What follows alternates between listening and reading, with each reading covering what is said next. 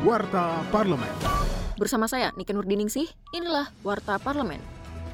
Anggota Komisi 9 DPR RI Tuti Nusandari Rusdiono menegaskan Komisi 9 fokus mendalami secara intensif terkait permasalahan tenaga honorer bidang kesehatan termasuk status dan kesejahteraannya. Mengingat pentingnya persoalan tenaga honorer ini, pimpinan DPR RI akan membentuk panitia khusus sehingga mereka dapat direkrut menjadi tenaga kerja P3K. Tuti menekankan Komisi 9 memandang penting proses pelaksanaan perekrutan tenaga honorer khususnya di Jawa Tengah. Ia menambahkan pihaknya selalu terbuka terhadap masukan dan terobosan pemerintah daerah dalam mengatasi persoalan persoalan tenaga honorer.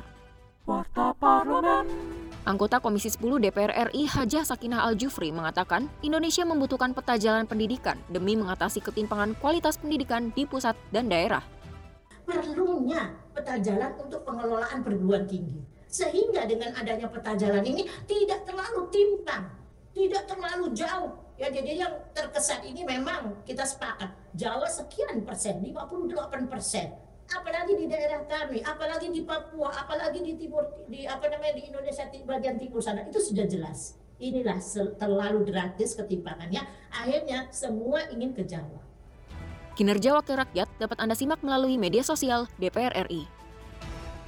Ketua Badan Anggaran DPR RI Said Abdullah menegaskan, sampai saat ini para pelanggan listrik yang berdaya 450 volt ampere dan 900 volt ampere termasuk kategori rumah tangga yang mendapatkan subsidi listrik oleh pemerintah. Ia mendorong Kemensos, BPS, PLN, dan pemerintah daerah bersinergi untuk pembaharuan dan integrasi data. Langkah bersama ini sangat penting agar akurasi program Bansos sebagai kekuatan absorber semakin akurat.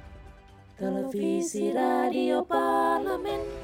Demikian Warta Parlemen, Produksi TVR Parlemen, Referensi Indonesia, Biro Pemberitaan Parlemen, Setjen DPR RI.